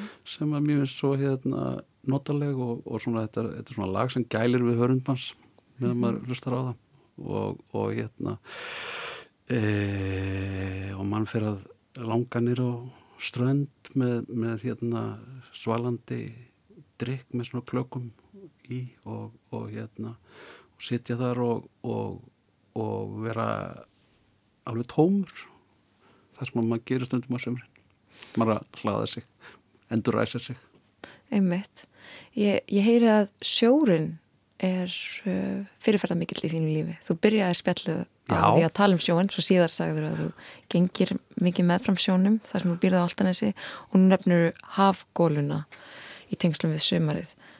Hvaða hlutverki gegnir sjórin í þínu lífi? Ég er ekki halin upp í sjó reyndar og hérna e, en, en strax og ég hafði einhvern veginn færi á þá, þá hérna e, settist ég að það sem að hérna ég var bara við sjóin fyrst í hérna, Vesturbænum í Reykjavík og svo á Altanesinu uh, og ég fyrst daglega þarna og, og, og hérna og geng með frá sjónum og, Alltaf sama ring? Já, svona yfirlega sama ring ég, nú, ég kom með hund þannig að hérna, við, við röldum þennan ring á mótana nú orðið og ég nú svona dragan og oft og hérna Er hann latur? hann er geysilega latur og hann er náttúrulega korpur en þá og, en hann kannski er svo mikið í að, að hérna, hann, hann er að taka svo mikið inn og hann er að, hann er að hnusa á svo mörgu og, og, hérna, og það er svo mikið að gerast í, í hérna, nefn á honum að ég get alveg skilja að hann verði örmagna á til og þurfi bara að, að leggjast niður og kvíla sig. Leldri því að þú þurfi bara að taka hann upp og svo heldur þú áfram hringin með hann í fanginu? Nei, ég neit að gera það en, en, en ég stundum þurft að reysa hann á vætur og, og hérna og, og ég vil múta honum til að hérna, halda áfram með, með svona hundanami og, og hérna allskins allskins svona tryggum sem að ég náttúrulega bara læra á hann ennþá en hérna Og hann á þig? Og hann á mig og ekki síst á umhverfið hann, hann er að taka inn svo mikið af upplýsingum um umhverfið sem að hérna, við ekki ímyndað okkur eins og hverjar, hverjar eru mm. Hvað heitir hann? Hann heitir Klaki, hann er, hann er kvítur mm. en, eh, en hann er svona kvítur nóðri samhjöðtundur og mjög bánsalegur og, eh, og er eiginlega alls ekkert klakalegur en, mm. en þetta er nafni sem honum var ekki við og, og það bara fast mm. á mhm. honum maður getur ekki verið að breyta nafni á hundi. Nei, það er ekki svo kettirni sem að eiga sér oft þúsund nafn En þið klaki farið uh, út að lappa á mótana og daginn og, og þú sínur honum sjóin sem er þér hugleikin Já. nú greip ég fram í fyrir þér og, og meðan þú varst að tala um hlutverki sem að sjórin gegnir í þín lífi hvar voru við stödd? Þú varst að segja um frá því að þú ólst ekki upp við sjóin en Nei. þú nýtu þess í dag að búa við hlið sjóins Já, ég, ég, ég nýti þess mjög og, og ég nýti þess að vera í fjörunni og ég hef standi fjöruborðinu og standa ég hef berfættur í fjöruborðinu og ég og ég er svona manna mig upp í að hérna, fara að synda í sjónum og hverju nefnum ég eftir að gera það eftir nokkur ár ef að, ef að hérna, ef mér testa að manna mig upp í það ég er samt ekki viss að því að ég er kvöldaskræfa líka og, og hérna. Kvöldaskræfa og sóttu klaka hund Já, hérna þetta er nú fjölskyldu hundur ég, ég á að nú alls ekki eitt sko nema síður sé. Mm. eh, en, en hérna Uh, ég var uh, aldrei til, til sjós heldur og, og hef ekki svona þannig samband við, við sjóin en, en hann er mér mér, mér finnst mjög gott að hafa sjóin í eironum og mér finnst mjög gott að, að hérna, horfa á sjóin og horfa á, á litbriðin í honum sem er aldrei eins og það veitir mér einhverja svona djúpa djúpa ánægju að, að, að fylgjast með litbriðum sjávarins og, og hlusta á hann. Og, og, og svona hafa hann nálagt mér mér finnst það, það sefandi Hvað ætlir það að sé? Ég tengi við þessa tilfinningu að líða vel Já. við sjóin Já. en svo líður mér oft ekki vel á eigu mér finnst það ég lóra átt að vera á stærra meginlandi og ég finn fyrir ykkur, ykkur í innilókun til dæmis stundum á Íslandi bara því við erum eiga Já. en það er þess vegna er svolítið skrítið að sjórin ætti náttúrulega að minna mig meira á að ég sé á eigu en það er samt voru mikið ró í því. Það er mikil ró og, og að, að, að hlusta á hlusta á hafið og horfa á hafið og horfa á svona hafölduna hérna uh, og uh, en, en sko ég held að samband okkar við sjóan sé taldið daldi mótsatna kent og, og þetta er svona djúft í, þetta gæti verið genónum á okkur sko, þess að við erum komin af við erum komin af sjósóknurum og, og til dæmis e, í minni föðurætt e, þar þar horfiði e, langamma mín e, hún horfiði á hún var e, fimm ára og hún held í hendina mömmu sinni og hún horfði á pappa sinn drukna í fjöruborðinu sem hann var sko sjómaður og var að koma bara inn í, og það var ekki eins og nett til til að slemt viður en, en, en báturinn sekkur og, og, og, og þær horfa á heimilisföðurinn drukna þarna í fjöruborðinu ásand fleirum og uh, það er náttúrulega verðna þess að þessi menn voru ekki syndir Íslenski sjómenn voru ekki sendir á upp til hópa á 19. öldinni og það þurfti stór áttak til þess að hérna, kenna, kenna sjómannunum okkar að synda. Og, og það, það var bli anstaða við það. Sem er íhaldsamir menn og íhaldsamir svona álitskjafar sko, tölti þetta bara óþarfa vittleysu og myndi bara veita mönnum falska öryggiskend en sjórin sko hann hann tók alveg óskaplega mikið af, af hérna e, fólki, körlum sjómanum sem að hérna hættu lífið sínu uh, með, með því að fara til sjós og kannski er, er, er í okkur sko tilfinningum ógn líka. En, en um, uh, þetta er bæði tilfinningum ógnvald og, og lífgjöf. Og sagt, þetta er sá sem að ferir okkur lífsbjörgina. Þetta er sá sem að er það, það er þarna sem lífsbjörgin er að finna og það er þarna sem að, sem að hérna, e, heimilisfeðunir þeir fara þanga og sækja lífsbjörgina hand okkur og, og, og, og vitundun um þetta allt er einhver staðar inn í samilu minni okkar.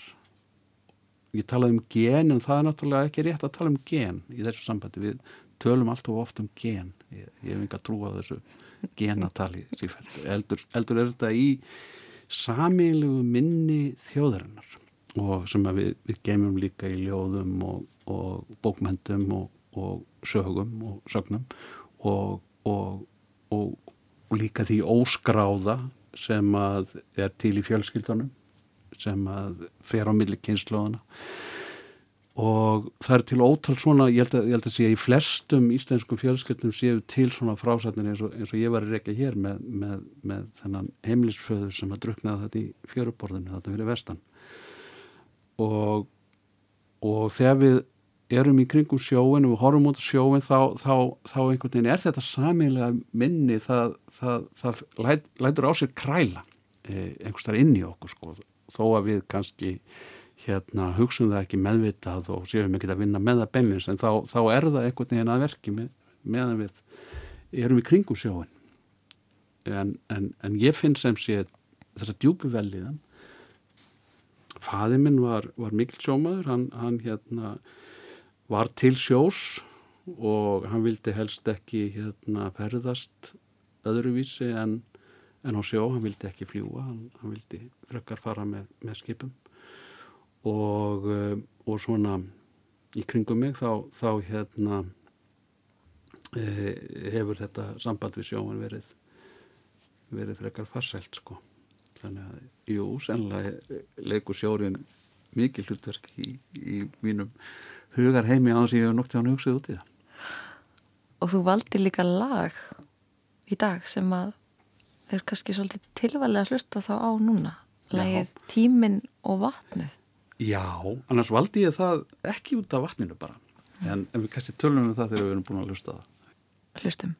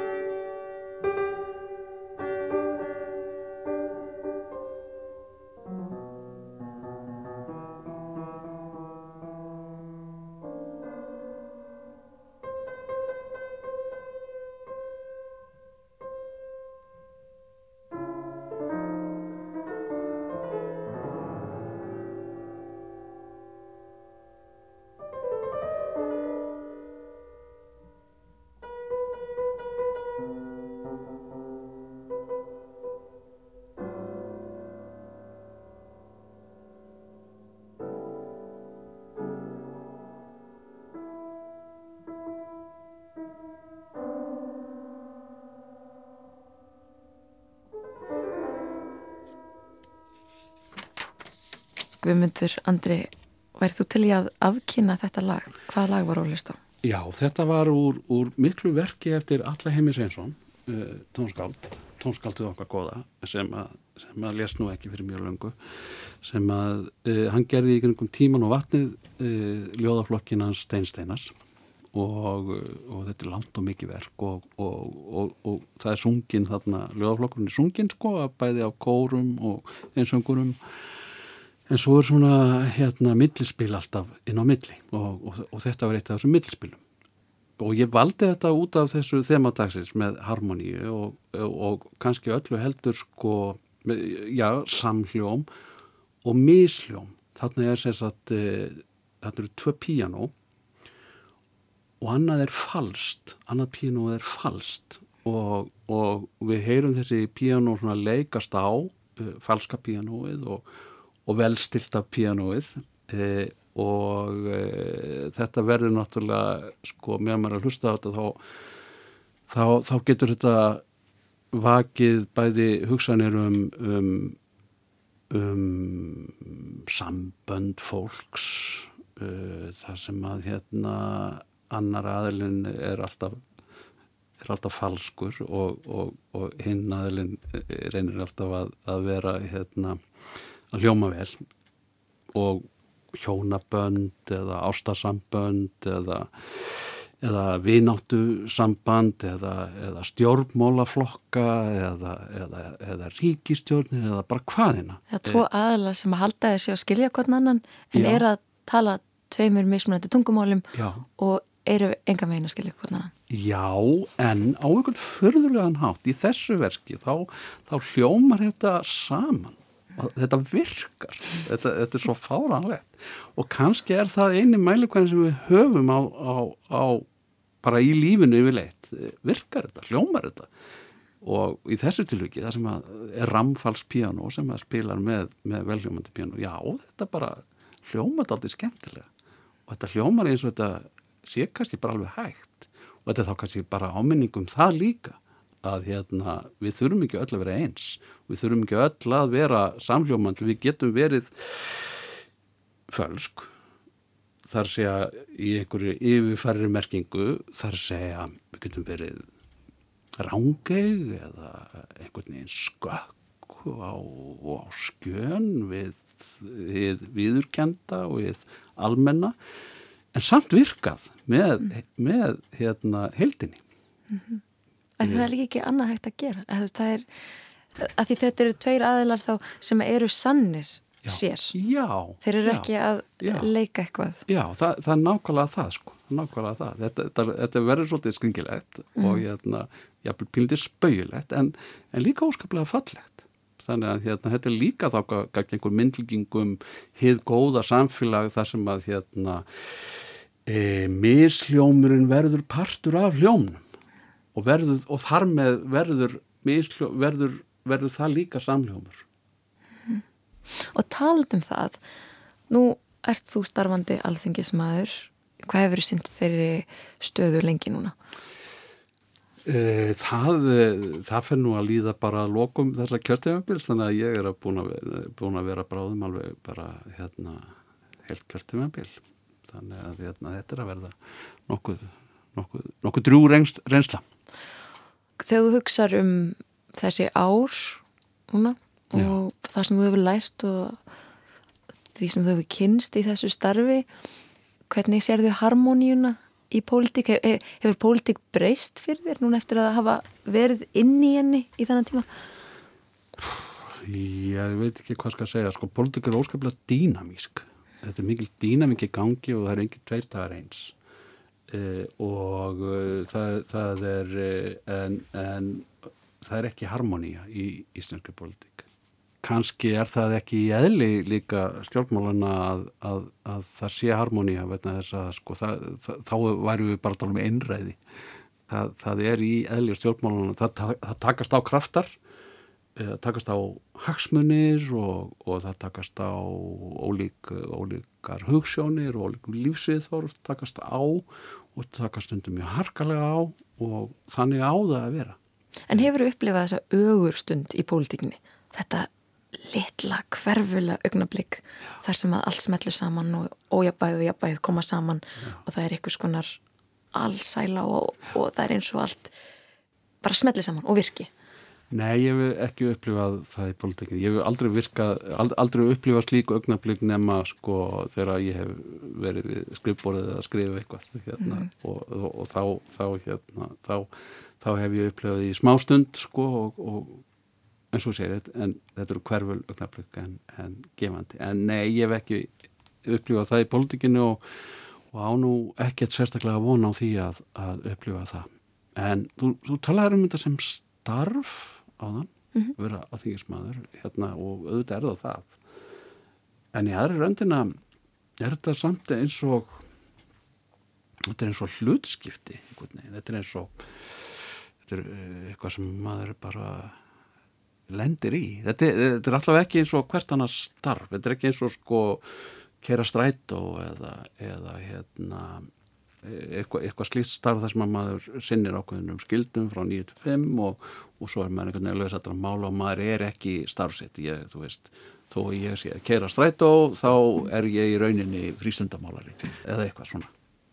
Alþingismadurinn að, að vera að setja á alþingi er, er sko þjónustar sem að maður tekur að sig fyrir hérna, maður er kosin til og maður tekur þetta að sig fyrir almenning í, í almanna þáu, þetta er þjónustu starfi í almanna þáu uh, og, og þar með hefur almenningur á, ákveðna svona kröfu á þig sem, sem hann hefur kannski ekki Þetta með stætabílsónur er kannski ekki gott dæmi sko en, en, en, en hann hefur það ekki sko ef maður er í, í einhverju skristofinu eða, En þú upplifir eða, ekki eins og þú sért uh, sjálfstæður eða, eða ekki, ekki mjög frjáls í þessu. Já, það er eitthvað svoleið sko, eitthvað mm. svoleið tilfinning. Hérna ég er uh, er ekki algjörlega, jú, það stendur náttúrulega stjórnarská að, að alþengismæður sé ekki bundin af öðru en, en samfæringu sinni sko, en eigin samfæringu en þetta er samt ekki alveg svo þess að maður er þarna í umbóði fólks.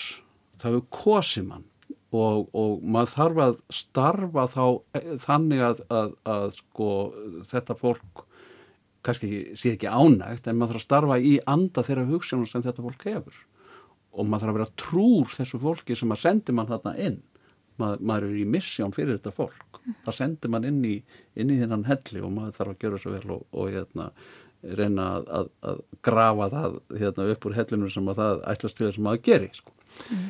e, e, og þar með er maður útsettari fyrir því líka sko að, að hérna, þegar fólki líkar ekki við mann og hérna, finnst maður ekki verið að standa sig að það hérna, segi um mann bara, segi það bara að, að maður sé algjört fíbl eða, eða eitthvað þaðan að vera. Og einhvern veginn hefur, er, er það bara svo að í politíkinu maður það bara una því líku við sko. Ma, maður þarf ekki að vera sammálið í eða hérna, maður getur líka reynda módmælið í og maður getur reynda að afsanna það en það á rétt á sér það á rétt, það er það sem ég er að reyna að segja. Það á vissan rétt á sér sko að, að, að það sé talað um stjórnmálamenn eða alþingismenn á, á óvægin hátt sem að sko kannski týðkast ekki sko gagvat fólki í öðrum störfum. Það er eiginlega þetta sem ég er að reyna að segja sko í þessum í, í, með, með þessum mörgu orðum. En, en það er kannski ekkit alveg ólíkt því sko þegar maður er rítuðundur sem að ég fegst við áður þá skrifa maður bækur, maður skrifa einhverja bók og hún er, er hérna úti, hún fer hérna á markað og, og, og þá get ég ekkert stjórna því hvað fólk segir um hana. Og það er ekkert mitt hlutverk að stjórna því. Það verður bara að hafa sinn gang og hérna og maður þarf að aðeins að hugsa um þetta og maður þarf að svona sætta sig við þetta og maður þarf að muna að, að sko maður er eitthvað annað. Sjálfur maður er ekki annað og meira en maður er, maður er líka eitthvað annað en bara þetta sko hlutskipt að vera alþingismæður Ma, maður verður eitthvað annað líka sko fyrir, fyrir sig og, og, og sína. Þá held ég að koma að næsta lagi hjá okkur. Hvað lag villu hlusta á næst? Ég, ætla, ég held að það sé að því við erum talað um politík þá, þá langar mér svolítið að hlusta á næturljóður fjörðum hérna sem að er, er sungið dásamlega vel af, af Kristjánu Argrinsdóttur og þetta er laguljóð, þetta er Böðagumundsson og þetta fjallar um, um minnsljóðum þetta, þetta, þó þetta sé sungið í svona dásanlum samhljómi þá fjallar um þetta um einhvern alveg óskaplega mikinn miskljón sem að og, og þetta fjallar um sko stærstu tragedíu kannski 2000. aldarinnar á Íslandi sem að er dauði byggðana þetta, þetta fjallar um, um það hvernig byggð deyr og, eða hvernig byggð dó.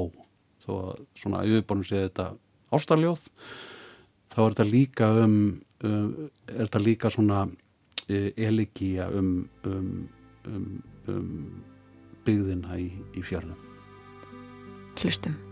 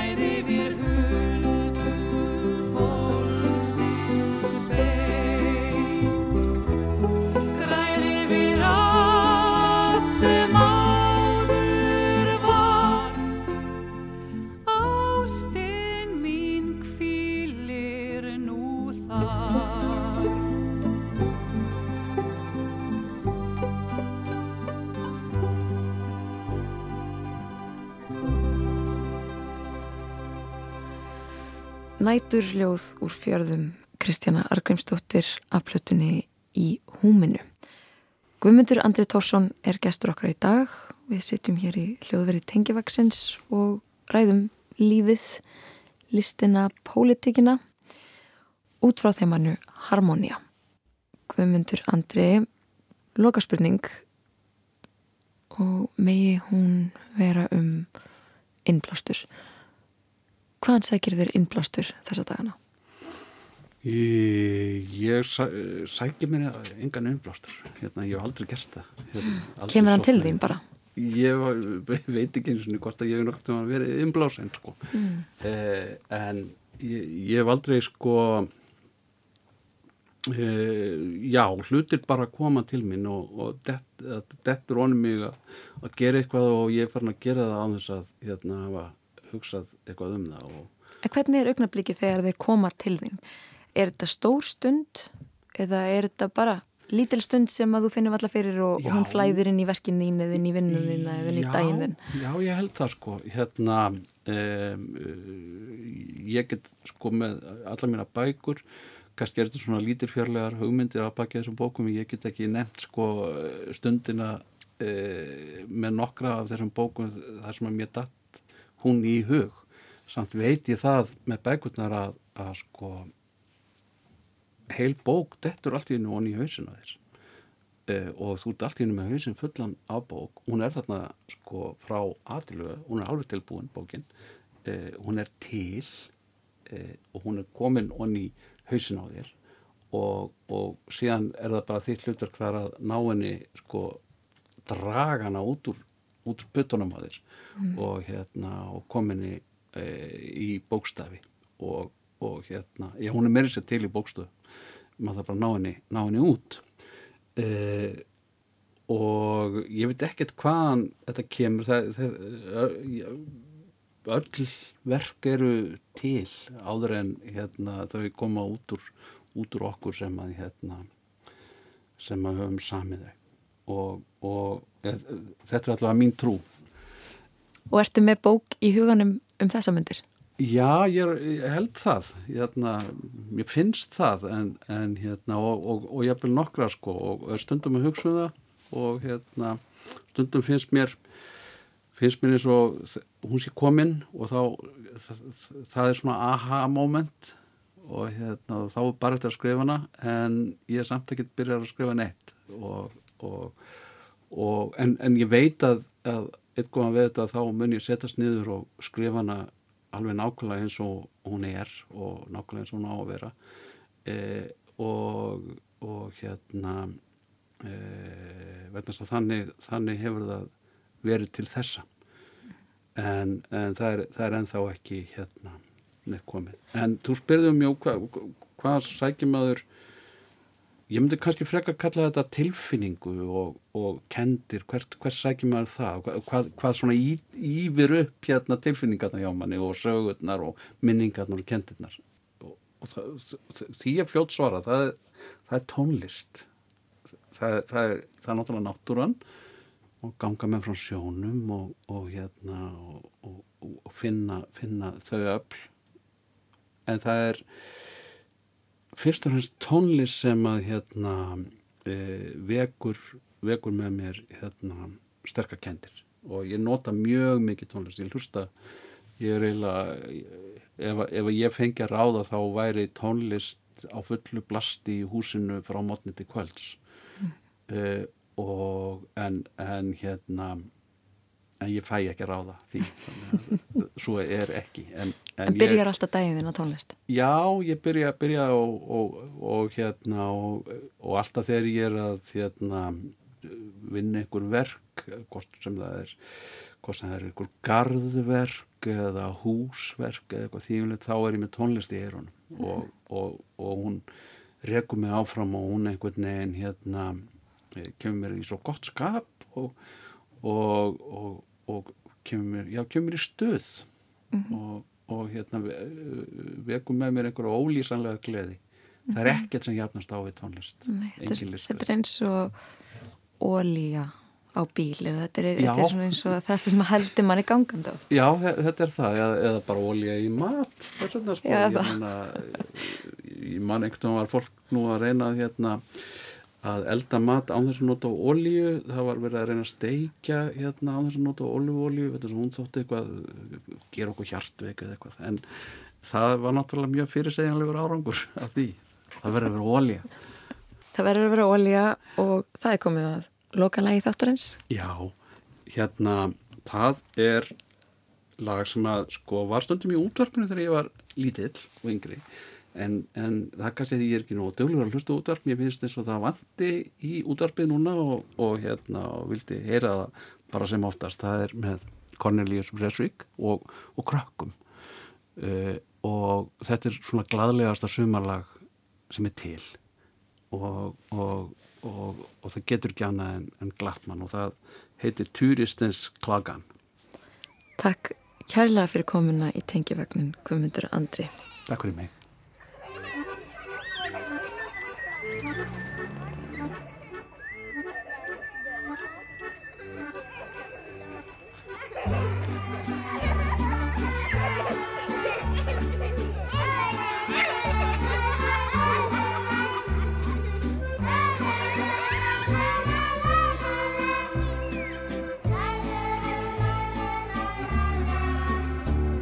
Det sjunger några ungar på Karl Johan. De låter starka och fina som bara ungar kan. Själv är jag bakom lås och bom på mitt hotell. En kväll bak barrikaden, en vanlig kväll. Över mitt huvud svävar en kolsvart gam. I rummet bredvid mitt sjunger en tokig dam och jag är trött och tveksam men deras sång är glad. Om inga ungar funnes så slutar jag. Min dam att språket slinter i vissa fall. På grund av snö som blöter fast den är kall. Storsaker i skidåkning har också skärm Gnid in ditt skinn med nässlor så blir du varm.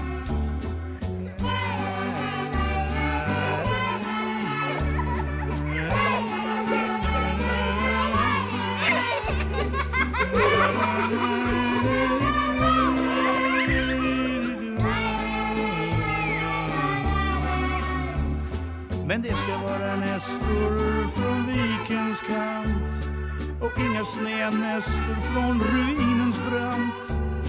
Bevara oss från dem som dessa saluför oss och de glada ungarna här utanför.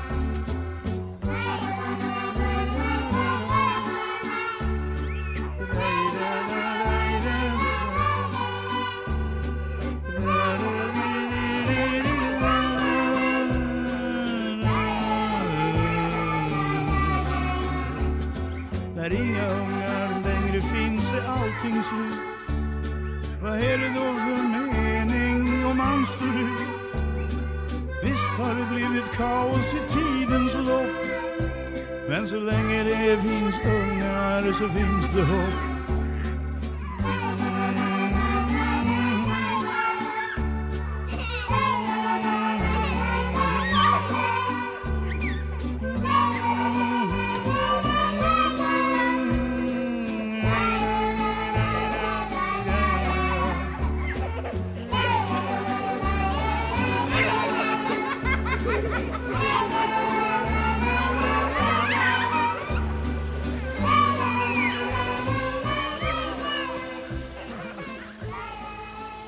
Cornelis Vrevik, turistins klagan.